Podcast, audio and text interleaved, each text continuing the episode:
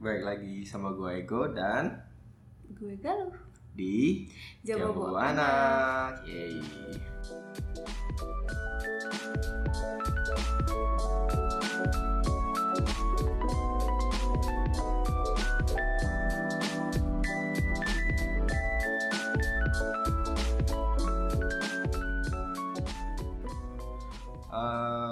Di episode sebelumnya kita udah ngobrolin bagaimana eh, dari kita pertama kali ketemu sampai akhirnya kita memutuskan buat pacaran. Dan di episode ini kita mau Bakal bahas tentang gimana setelah itu berarti setelah saat itu, kita pacaran. saat kita pacaran dan sampai memutuskan untuk menikah. nikah. Oke, di pacaran kita yang penuh drama itu. Enggak ya, biasa aja toh kita pacarannya. Oh gitu ya. Eh, Oke, jadi eh, kita itu mulai pacaran di April 2015. Terus, Terus saat kamu masih aku di lagi koas forensik di Semarang. Oke. Kamu lagi nganggur. aku jadi Nggak lagi ada yang lanjutin S2. ya, S2 yang break dan gak kelar-kelar Ya. 6 bulan gak dipegang. Makasih lo udah diingetin. Terus Terus pacaran LDR yang tiap hari kamu eh nggak tiap hari, hari, tiap minggu. minggu datang dari Semarang ke Ya, no, no, kembali. Jogja ke Semarang. Jogja ke Semarang di saat tidak punya pekerjaan, Iya, ngapelin, ngapelin setiap minggu. bensin. seminggu sekali ngapelin bensinnya nearly 300 ribu bolak-balik setiap bulan eh setiap minggu belum lagi nginepnya di Semarangnya ya costly banget lah waktu itu dan kita tuh pacarannya hmm, damai gak sih apa banyak problem ya Damai, aman, sejahtera, sentosa kayaknya. Enggak bohong. satu bulan pertama Jadi itu adalah ya aman, damai, sejahtera dan sentosa hanya satu bulan saja pemirsa. Setelah dari itu penuh dengan drama. Our first fight itu yang ini ya yang kamu Jalan sama mantan, mantan, ramean tapi. itu kan tetap aja jalan sama mantan Ya, jalan sama mantan, Hmm, ngomel-ngomel. Terus kalau dari kamunya mah nggak pernah ya enggak sih kayaknya kamu baik banget soalnya kerja ada. Annya marah-marah terus kamunya kan yang Iya. marah-marah terus habis itu aku nggak boleh deket sama teman koas aku sendiri kelompok internal koas. Gimana coba orang apa-apa bareng nggak dibolehin deket-deket. Ada dia marah deket dia marah. Serba salah. Jadi kita ceritain mungkin kamu elaborate dulu yang kamu jalan sama mantan itu. Itu gimana ceritanya tuh? yang sama mantan? Ya nggak apa-apa. Jalan kan aja gitu. jalan aja karena rame-rame. Terus em, waktu itu aku eat itu ya. Iya. yang sampai sekarang dia nggak mau makan shabu Sabu Haci. haji. Shabu aus. Sabu Auce, Sabu Auce di Jogja ya itu apa sih bacanya? Iya. shabu itulah. Dia nggak mau makan itu sampai sekarang detik sekarang detik ini. Dia nggak mau gara-gara gue jalan sama mantan dan teman-temannya itu Eat ke sana. Penting banget nggak sih Penting tahu itu tuh. hmm. Iya, itu aku dulu awalnya ceritanya nggak mau tuh ngelarang-larang. Awalnya ya aku mikir. ya awalnya Terus kayaknya oh, yang waktu itu tuh udah kali kesekian deh, bukan kali pertama. enggak ya kali Oh, iya. pertama Terus akhirnya aku goyah. Iya. Apa yang memutuskan Anda untuk akhirnya bersikap posesif kepada saya? Ya, kayaknya Anda tidak bisa tidak diposesifin, diposesifin sih. Jadi kayak kayaknya kalau dulu-dulu tuh aku pacaran ya biasa aja sih. Ya ya positif tapi masih masuk, masuk akal aja gitu. Cuman kayaknya sama kamu tuh nggak bisa tidak tidak bisa tidak diposesifkan. Ya, dulu emang kerjaannya aku kalau kosong ke klub ya. Kafe eh, sama teman-teman sih rame-rame. Iya terus ada cowok-cowok. dan aku tuh tahu kamu tuh kamu tuh pasti banyak yang suka sama kamu. Makanya aku posesif. Dan aku sadar diri juga kan. Maksudnya eh, yang ada di lingkungan kamu ya apalah aku waktu itu hanya seorang pengangguran tanpa pekerjaan. Sedangkan kamu dede-dede koas yang cantik didekatin banyak eh, calon-calon dokter yang lain. Dan bahkan apa namanya dideketin sama apa sih istilah itu residen. Eh, residen-residen itu kan. Iya jadi itulah yang menyebabkan keposesifan itu timbul. Hmm. menarik. Agak tersiksa sih tapi yang diposesifin ini. Sejujurnya. Terus tuh ya itu habis itu eh, kamu mulai pindah ke Semarang eh ke Malang ke Magelang ya ke Magelang. Magelang. Dan pada waktu itu aku coba tes tes dan oh ya aku besok keterima di Mandiri kan Mm-mm. yang aku waktu keterima di Mandiri itu itu juga lumayan drama tuh sebelum LD sebelum aku be- berangkat ke Jakartanya Iya drama kan? banget. Itu bulan puasa. Terus aku lagi stase interna. Interna tuh penyakit dalam guys. guys Harus tahu itu capek banget. Kita jaga, ada jadwal jaga. Kita tentiran setiap abis teraweh jam 8 malam. Tet sampai jam 1 malam. Itu gak berhenti sama dokter spesialis jantung. Dan si kekasih gue ini selalu meminta untuk datang menemani sahur. Eh, enggak sih, itu kesepakatan kesepakatan berdua sih sebenarnya. karena udah mau LDRan kan Nah, waktu udah itu LDR. Jadi sebisa mungkin Enggak waktu itu kalau kalau nggak buka bareng sahur bareng kadang dua-duanya juga Iya. sih. Jadi sebisa mungkin gimana caranya supaya bisa ketemu di detik-detik terakhir Iya, untuk sebelum LDR. sebelum LDR. Ya udah, sahurnya bareng. Terus jam 2 aku sampai sana, jam 2 Jam 2 jam satuan sih bis. ya jam 2 atau jam 1 malam terus habis itu tidur bentar kalau nggak ngerjain jurnal atau presentasi kasus bentar lanjut sahur jam 3 karena imsaknya cepet kan Cepet di ya Jogja ya. jam 3 udah sahur terus aku berangkat lagi jam 5 ke Magelang Ya, karena mulai jaga jam pagi banget ya kamu. jam ya? 6 Jam 6. sering banget telat sih Wak. Dan waktu itu drama banget sih karena kayak apa ya yang buat sering ini tuh oh ini ding ya ketika kamu ah, ketika aku ngerasa kamu nggak ngabisin waktunya sama aku itu biasanya Iya. aku marah itu satu dan aku dari akunya sendiri ngerasa dia kamu tuh nggak ngertiin aku karena aku capek banget aku sibuk banget. Ya kamu waktu itu emang nggak ada kerjaan kan? Makanya nggak eh, pas gitu posisinya waktu itu kita. Hmm. jadi yang satunya sibuk banget yang satunya nggak apa-apain. Nggak ngapa-ngapain nah ini Iya. tipsnya. Iya. sayang. Kasih tips. Tips. Ntar kan itu tips di belakang kan ya biasanya Eh, oh iya, kita di belakang aja ya ini tipsnya. Nanti kita kasih kesimpulan di belakang. ya terus habis itu pas aku berangkat ya itu kan pas aku udah mulai di mandiri Mm-mm. karena aku udah mulai sibuk berkurang tuh ininya apa namanya eh eh, dramanya karena aku sibuk Ya, training dan segala macam nah itu tadi yang dibilang sama Ajeng bahwa eh, apa namanya ketimpangan itu terjadi ketika eh, salah satu terlalu sibuk dan salah satu eh, nggak apa-apa maksudnya kesibukannya dikit. Nah itu akan terjadi ketimpangan biasanya timbul masalah dan drama Mm-mm. karena yang sibuk ngerasa kok dia nggak ngertiin aku banget sih? Aku lagi sibuk-sibuk gini dia malah untuk banyak itu sedangkan yang satu juga merasa nggak dimengerti karena dia mera- dia merasa kehilangan sosok pasangannya. Karena uh, pasangannya sibuk dan ya nggak- dia ngerasa dia nggak apa pasangannya nggak ada waktu buat dia ini Hmm. bisa jadi source of problem sih masalahnya ya tinggal gimana cara ngatasinnya aja Ya, sih Dan itu sempat terjadi sama kita dan gimana kita cara ngatasinnya? itu kayaknya di kamu ya deh kamu yang bisa masih bisa bertahan dengan semua Iya, karena sempit aja. Karena waktu itu nggak diperlama aja sih waktu itu. Iya, Mungkin kalau lama dikit udah udah kelar ya udah kelar. nggak jadi ada Elon Enggak juga deh. Kita sama-sama waktu itu dari akunya ya sabar-sabar aja sih. Capek itu capek banget cuman kita juga ngertiin gitu hmm, bahwa posisinya dia. Aku ngertiin waktu itu posisi kamu. Ya wajar sih mau LDR terus baru pacaran juga ya kan. baru beberapa bulan ya. Mm-mm. baru pacaran mau LDR pula terus eh, nggak ngapa-ngapain juga gitu kan.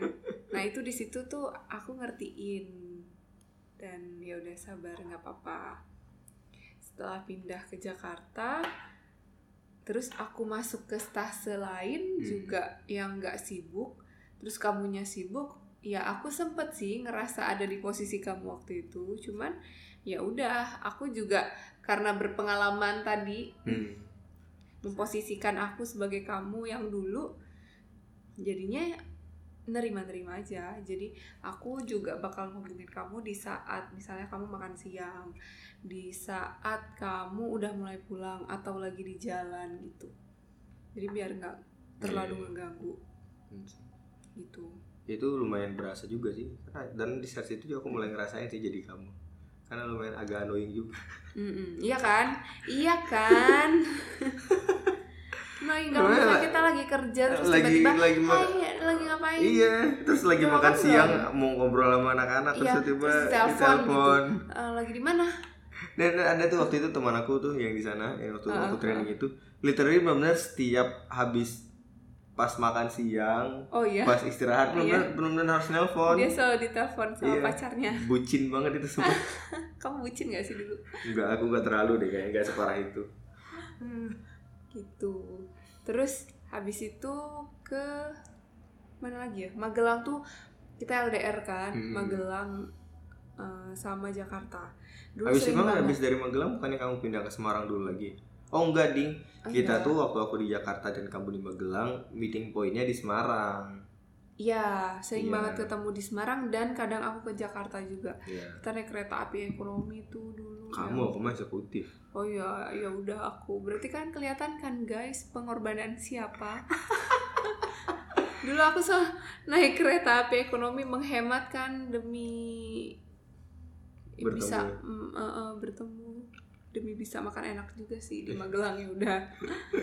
ya terus itu sih berarti waktu itu ya lumayan juga ya perjuangan kita berarti bolak balik Jakarta Bolak-balik. Jakarta Magelang Dulu. Jakarta Semarang Jakarta Hmm. Semarang eh kamu ingat nggak yang kita subuh subuh Iya. dari Magelang parah banget, ke Jogja banget. naik motor yang itu sumpah itu rasanya itu dingin, dingin banget. banget. Jadi waktu itu lagi berkabut banget, terus tiba-tiba Kamu jemput aku dulu di Semarang. Iya, aku jemput kamu di Semarang pakai mobil, Iya, terus mobil kamu rental. mobil sewaan. Eh enggak, om kau minjem punya teman kamu nih waktu itu. Oh iya. Oh ya mobilnya Elsa. Iya. Mobil Elsa, terus habis itu mobil Elsanya aku taruh di Magelang. Kita naik motor. Kita naik motor kamu itu. Ya Allah, subhanallah, aku baru sekali tuh ngerasain sedingin Itu itu. tuh udah dingin banget sih. Nah, next terus aku pindah koas ke Jakarta, Ya. kita udah mulai deket. Tapi dia parah-parahnya waktu itu marah sama temen koasku, ya kan? Sama Levi ya udah sebut merek. Ntar dia- ntar dia denger loh. banget. Ntar aku sengaja Levi dengerin podcast ya. Dia udah tahu sih dulu Bang Ego, kayaknya Bang Ego marah ya jeng gitu. Ya, itu lu gimana ya? Ya wajar nggak sih? Kalau aku mikirnya kayak wajar nggak sih? Aku jealous waktu itu. Karena kan ya kamu apa apa berempat apa apa berempat. Sedangkan aku ya ibaratnya aku nggak pernah deket sama siapa pun di waktu itu.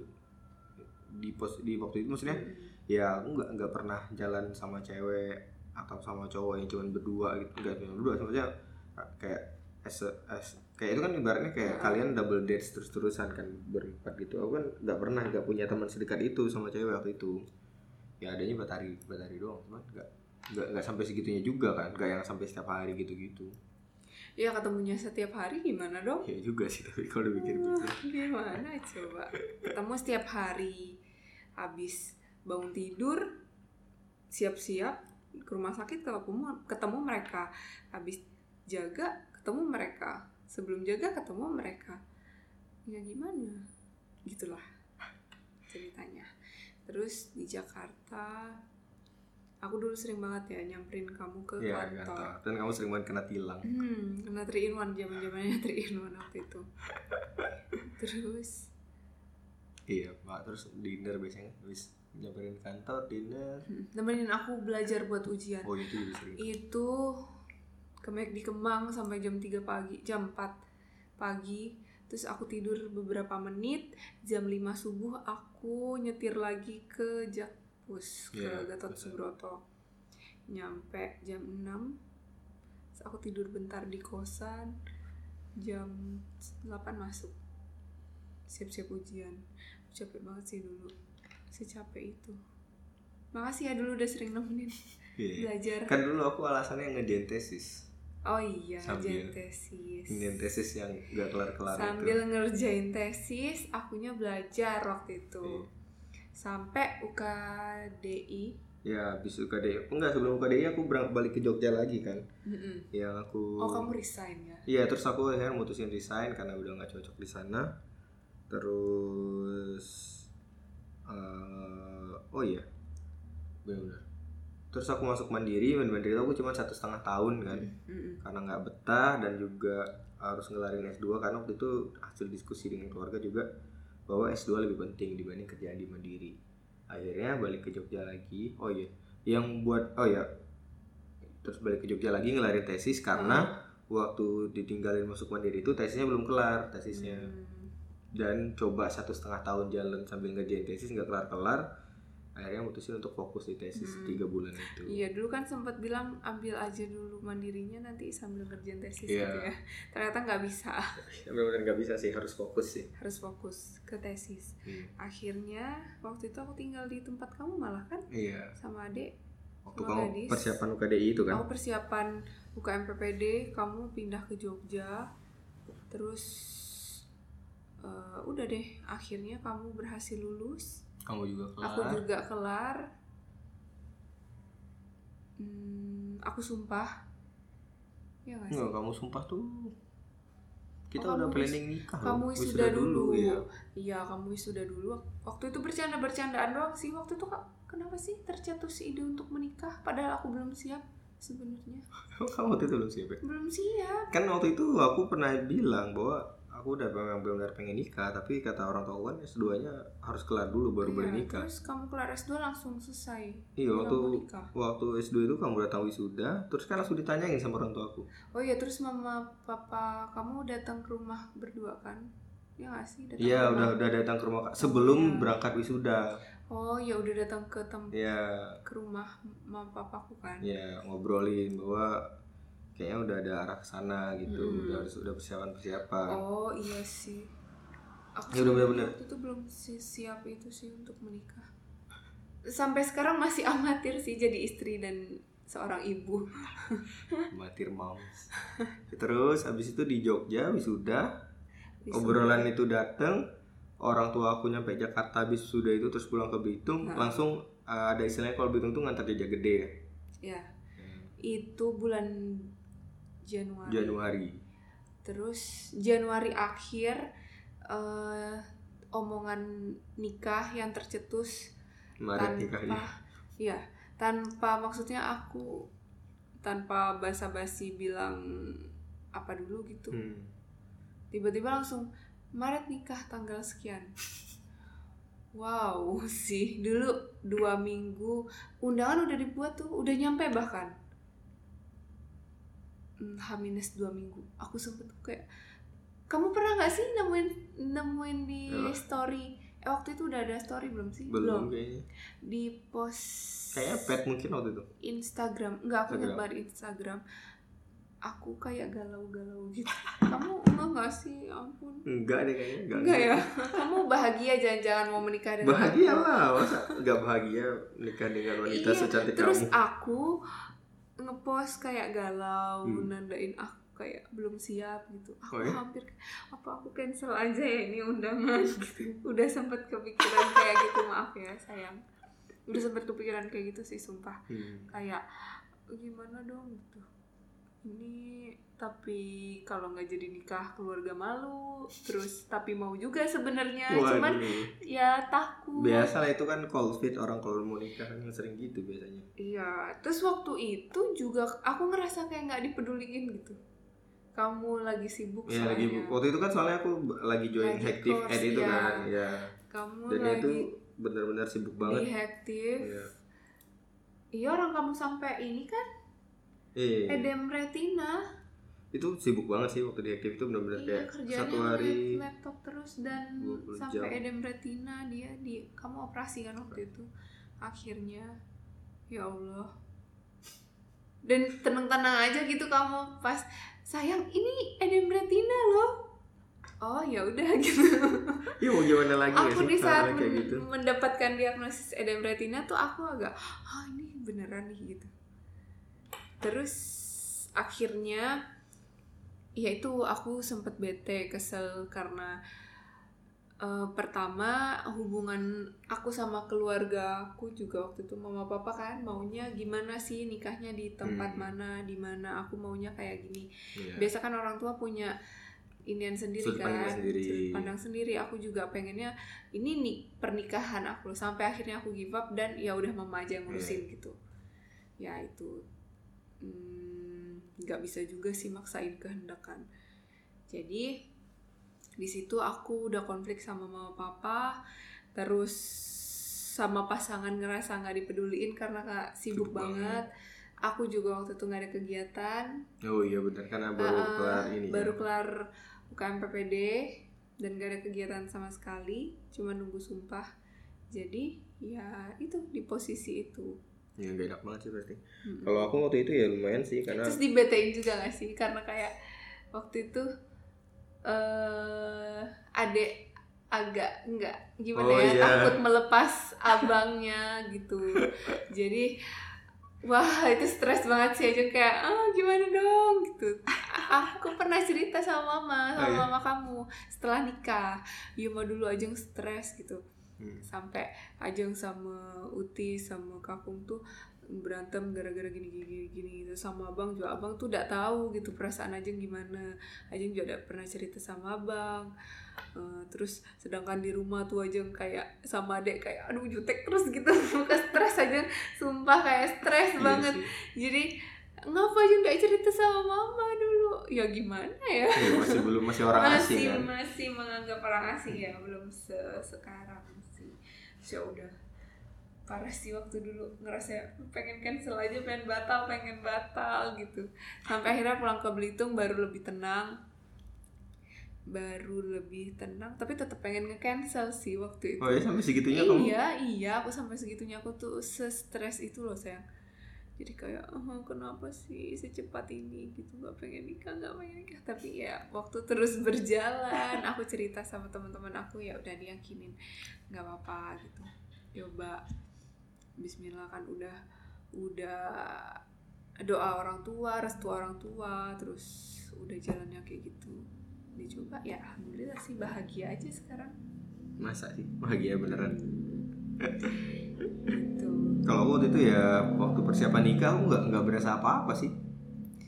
Iya sih biasa aja ya. jadi jadi kayak benar-benar lagi sibuk baru ngel- ngelarin kuliah S2-nya terus ikut bootcamp juga banting setir karir waktu itu. Karena waktu di Mandiri itu kan eh, ya kerjanya juga di IT cuman kayak nggak spesifik bener-bener coding dan segala macam kan. Terus bener-bener eh, masuk di sana dan yang satu hari itu 15 sampai 16 jaman coding bener-bener depan komputer bener-bener depan Full. komputer full eh, istirahat cuman bener istirahat makan tidur siang sama Iya sholat ya. sholat doang terus ya itu istirahatnya biasanya masuk itu jam 9 pagi baru kelar coding jam jam jam 9 malam habis itu di rumah juga masih Terus lanjut kamu lanjut ya sampai jam 3 Sampai- pagi. iya kayak- kadang-kadang makanya itu yang sampai edem itu kan Mm-mm, Nah, sampai ada retina. terus ya kamu cuti ya satu bulan.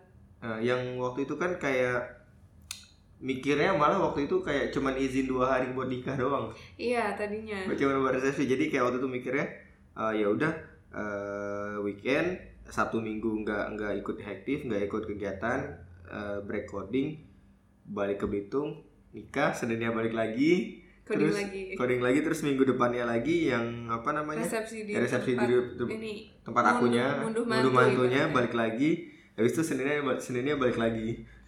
Malah kepikirannya sampai kayak gitu waktu itu. Tapi ternyata ya yang Tapi emang kondisinya kayak gitu sih waktu itu, ya nggak sih? nggak nggak yang kamu lagi kayak ngapain sih waktu itu?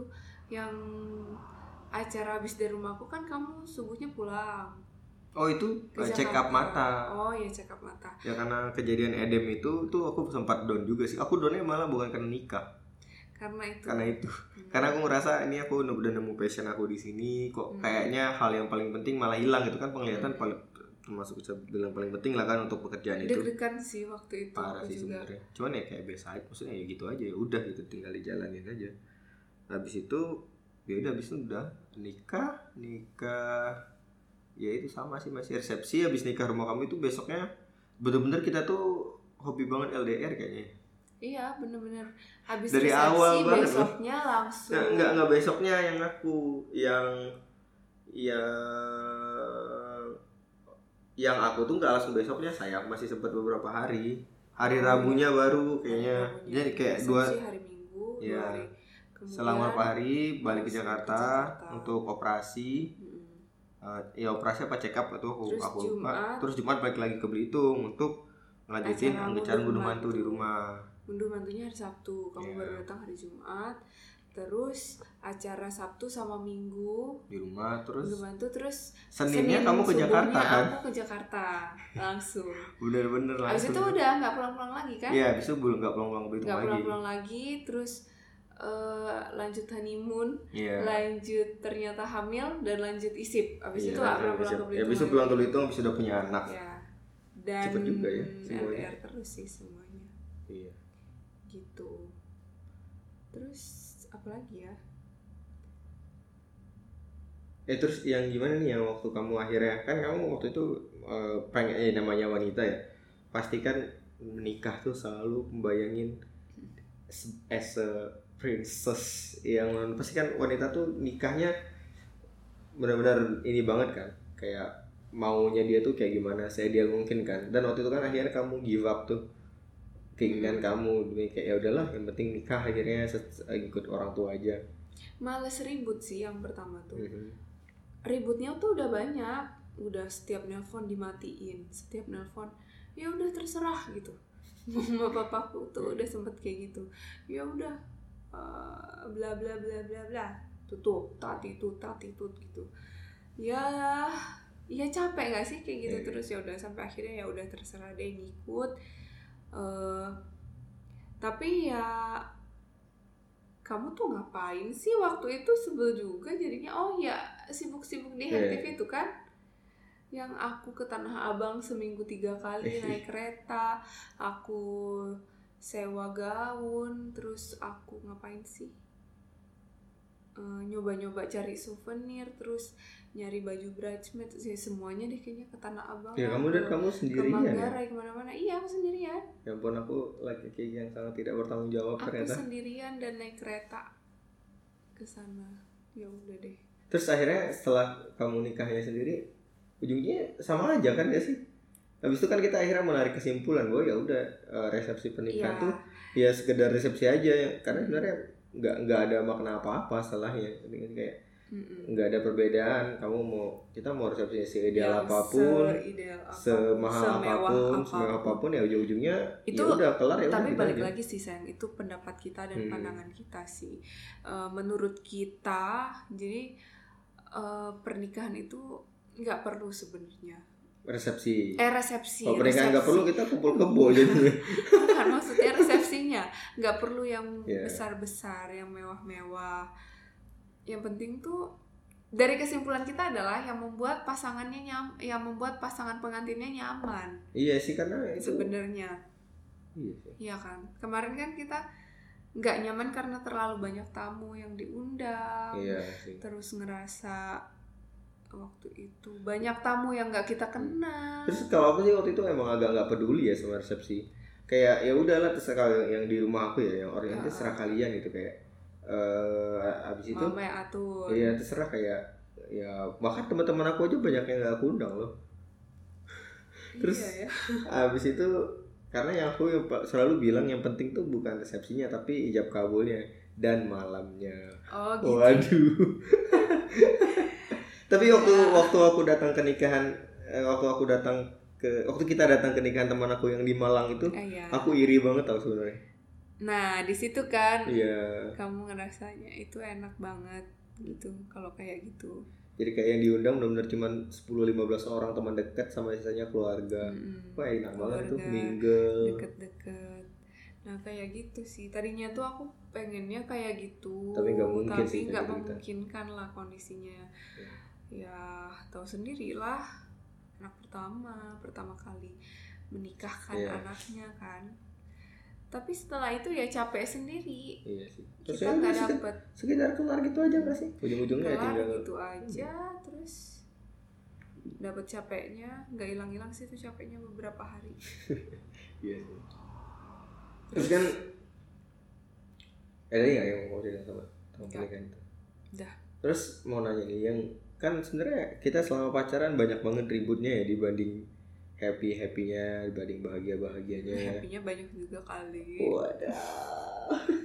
Yang membuat kamu akhirnya mutusin buat stay buat bertahan sampai akhirnya bisa nikah tuh apa?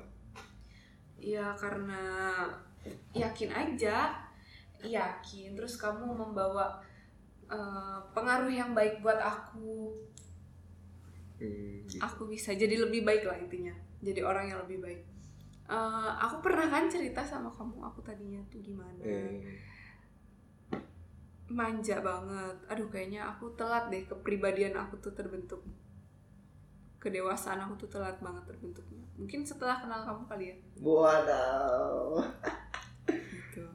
Jadi banyak sih perubahan ke arah positif setelah aku kenal kamu. Gimana caranya menghargai seseorang? Gimana caranya? Bahkan hal-hal terkecil apa ya? Cara bersikap misalnya saat orang ngomong aku harus ngapain? gitu. Hal-hal simpel kayak gitu sih banyak banget yang aku pelajarin dari kamu. Gitu. Yang buat aku ngerasa nyaman sama kamu terus eh, ngebuat banyak belajar dari kamu dan kamu pintar sih. Aku yakin banget kalau orang yang pintar tuh bisa walaupun waktu itu pengangguran terus dihektif juga. Kamu angkatan pertama gak sih? Tiga kan oh angkatan ketiga. belum ada yang lulus kan? Belum ada yang lulus. Iya belum ada yang lulus. Eh, agak-agak ragu. Dan belum belum mungkin belum ya. ada bukti belum ya. ada bukti. Alumninya belum ada yang Iya, sukses iya, gitu. kalau sekarang kan udah udah iya, banyak tuh yang sukses. Nah kalau dulu belum ya waktu aku masuk aktif tuh kamu ini orang ngapain? gitu. Ya kamu iya iya sih tapi ya udah ya udah Bismillah support aja itu support aja deh. Ini apa? Ngikut-ngikut kultus iya, apa? gitu jujur ya sih saya aku kayak gitu. Waktu daftar aku nemenin kamu iya, kan. iya. terus masih di ruko lagi kan iya masih di ruko kecil banget. Mobil sempit-sempit kayak gitu kan Iya. rame-rame di parkiran. Ini ngapain sih? gitu udah kayak interview apa gitu kayak ini sales sales gitu tau gak sih aku bayanginnya tapi ya alhamdulillah sih sekarang waktu dulu aku kepikiran sih kayak gitu sempat Oh, iya. maksudnya eh, ada keraguan sih pastilah kan aku juga mikir Iya, dan tuh belum belum benar-benar belum Iya, terbukti dan aku kan. kan hobi googling kan Heeh. aku pasti nyari tahu kan nggak mungkin aku Heeh. nggak googling hektif itu apa jadi ya meragukan sih dikit itu aku nanya nggak ada alumni yang Iya. udah sukses Oh iya, waktu itu kau sempat nanya kan, emang udah ada alumni yang sukses? Iya, Ya, ya belum sih. Aku nanya kan waktu itu. Tapi aku ngerasa tuh kamu tuh pintar, pintar banyak banyak pintar tuh nggak cuman di bidangnya gitu, Mhm. Ya. pintar lah. Dan aku yakin kalau misalnya orang pintar tuh Minum Iya. tolak angin gak? minum tolak angin ya benar.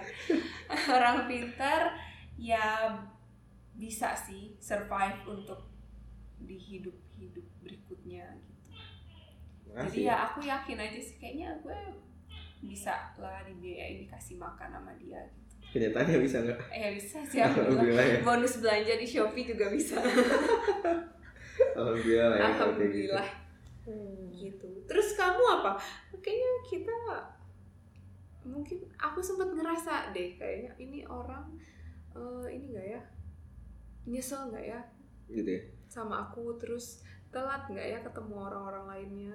Hmm. apa udah terlanjur komitmen sama aku dulu udah terlanjur eh, bilang mau nikah sama aku dulu terus baru ketemu orang lain kan gitu maksudnya dulu kan kamu sempit banget tuh kan lingkungan pertemanannya sempit Tapi kan aku waktu PDKT sama kamu banyak oh yang iya udah aku banyak deketin. ya cuman ya mungkin emang ya belum belum kurang banyak lagi gitu Oh. mungkin harusnya mungkin lebih banyak. Aku sempat mikir sih nyesel gak ya nih orang nikah Hmm. sama aku? Nyesel gak ya eh, sekarang dia jadi suami aku gitu yang kerjaannya saya paket datang. Kiriman di pesanan kamu datang gitu. Ya ampun. Iya enggak sih. Kalau alasan aku tuh pertama kamu cantik sih. Jahat banget. Cantik cantik banget juga enggak. Ya bagi aku kamu cantik sih. Terus yang kedua itu uh, ya itu karena kamu beliin aku mainan yang kayak aku pernah cerita dan itu benar-benar sampai sekarang impactnya. Jadi kayak waktu itu kan aku berkesimpulan ya kalau cewek mau beliin mainan berarti dia tuh coba untuk tahu gitu tentang kehidupan si cowok uh, lebih dalam. Karena mainan itu bukan sesuatu yang cewek tuh ngerti gitu kan yang dan, dan yang aku rasain tuh sampai sekarang sih. Jadi aku ngerasa kamu benar-benar uh, mau mencoba masuk ke dunia aku gitu. Kamu coba mempelajari tentang ya ibaratnya kerjaan aku dan kamu kan beda jauh ya. Yang kayak nggak ada yang tahu gitu.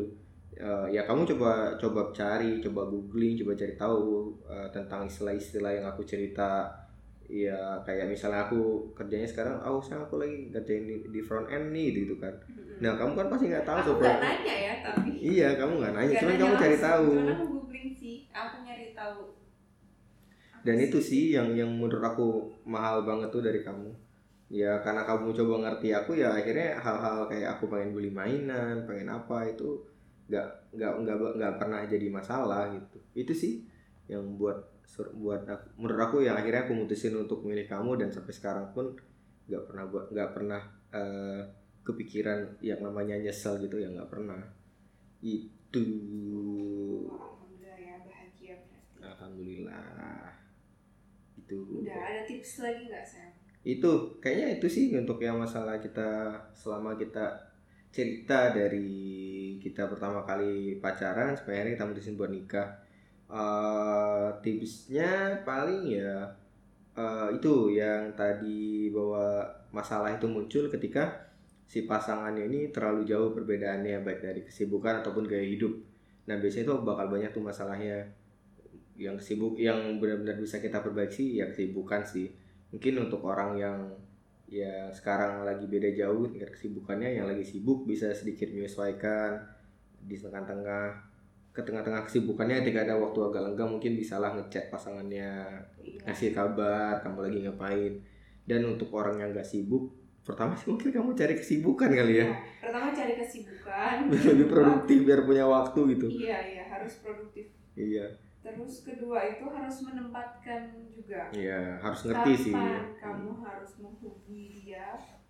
Iya dan kamu harus percaya sih ketika dia nggak hubungin kamu bukan berarti dia lupa sama kamu tapi emang dia lagi sibuk dan gak sempat untuk hubungin kamu.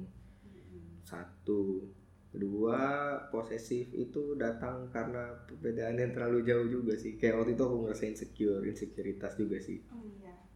terus masalah nikah ya nikah tuh nggak seribet yang kalian bayangin sih. Iya nikah tuh nggak seribet itu. Resepsinya maksudnya nggak seribet itu ya kan? Proses resepsinya itu ya buktinya kita mulai mencanangkan pernikahan di bulan Januari. Pernikahannya terjadi di bulan Maret. Iya. Dan nggak ada loh omongan-omongan sebelumnya tuh. Yeah. sebelum Januari itu. Ya dari aku ya aku yeah. jalanin ya jalanin aja pacaran. Hmm. Pengen nikah ya pengen. Cuman nggak kepikiran sampai nikah dulu. Aku bahkan pengen nikahnya tuh sebenarnya mau tes dokter polisi dulu tadinya kan. Hmm. tapi ternyata udah cepat itu. Ya jadi kayak ya udah bahwa uh, pernikahan itu tidak seribet itu. Jadi kadang-kadang ya ketika kalian merasa udah menemukan orang yang tepat jangan ya. terlalu banyak mikir jangan, dan itu waktunya. ragu-ragu. Iya. Dipikirin boleh tapi nggak usah berlarut-larut gitu. Dan itu sih kayaknya nikah tuh menurut aku ketika bukan tentang kapan sih ketika dengan, dengan siapa nggak sih? Kayak ketika kita ngerasa emang benar-benar dia udah orang yang tepat semua rencana kita itu bakal hilang sih. Dan kita mutusin ya udah akhirnya untuk nikah gitu. Iya. Yang kamu dulu itu kan rencana kamu banyak banget kan? Aku dulu berencana pengen nikah di umur 29 atau 30 tahun. Uh, pengennya nggak mau tinggal di Belitung. Pengennya nikah nggak mm, kepikiran sih waktu itu sama orang Belitung atau enggak cuman eh, nggak masalah kalaupun sama orang luar tinggal tinggal di luar Belitung pun nggak masalah cuman setelah ketemu kamu cie Cie. langsung tuh berubah bener-bener berubah kayak kayak nggak bisa gitu untuk menikah umur 29 30 kayaknya It's not an option anymore ya. ya udah deh Itu sih. Kawin cepet aja deh udah Ya. Jadi menikah itu akan datang waktunya dengan orang yang tepat. Jadi ketika ada cewek nih yang dia udah mau nikah tapi pasangan nunda-nunda, mending tinggal Nah, aja ya. mending tinggal aja ngabisin waktu sumpah Berarti dia bukan menganggap kamu orang yang tepat. Kalau karena kalau oh, dia ngerasa kamu orang yang tepat, segede apa pun ambisinya terhadap hal lain, dia pasti akan memprioritaskan kamu. Dan yang lain itu pasti bakal dia bakal mikir ambisi-ambisi dia yang lain tuh masih tetap bisa dijalanin dengan bersama kamu gitu. Jadi ketika yang udah ngejak-ngajak nikah, yang yang udah sampai ceweknya minta cowoknya buat nikah itu menurut aku mending tinggal deh cowoknya. Karena cowoknya nggak seserius itu dan nggak sepengen itu sama kamu sebenarnya. Gitu. Terus resepsi pernikahan juga ya kalau menurut kita nggak usah terlalu heboh heboh sih. Karena pada akhirnya itu tuh cuman perbuat ah, permulaan doang. Pada akhirnya gimana sih hidupan rumah tangga Iya, kalian? tangga. Yeps, ada lagi nggak sih Cuman itu aja sih, Sam. Waktu resepsi itu sebenarnya beda-beda hmm. orang tuh. Ada juga yang beranggapan emang resepsi mewah tuh perlu. Itu sih tergantung pilihan kalian masing-masing sih. sih. Cuman kan ada ada beberapa kasus yang mereka memaksakan Ya. banget gitu harus semewah itu. ya kalau sampai ngutang ya jangan lah ya berarti Iya, maksudnya itu nggak sepenting itu. Iya, itu nggak sepenting itu. Kalau kalian punya uang lebih, orang tua kalian punya uang Hmm. kemampuan untuk resepsiin kalian dengan mewah ya silakan. Cuman, Tapi kalau sampai harus ngutang, menurut kita is not worth it. iya, karena emang cuma gitu doang, sumpah capek doang yang didapat. Beneran. Oke, kita rasa segitu aja untuk episode kali ini. Iya, Eh, semoga cerita kita masih menarik untuk didengarkan dan semoga ada manfaat yang bisa kalian petik. Dan sampai jumpa di episode berikutnya itu tentang gimana kita jalanin awal-awal pernikahan yang langsung LDR, langsung hamil dan kamu, kamu iya itu sih dan internship dengan segala macam kesibukannya. Oke, Mm. sampai jumpa di episode berikutnya. Bye bye. Bye.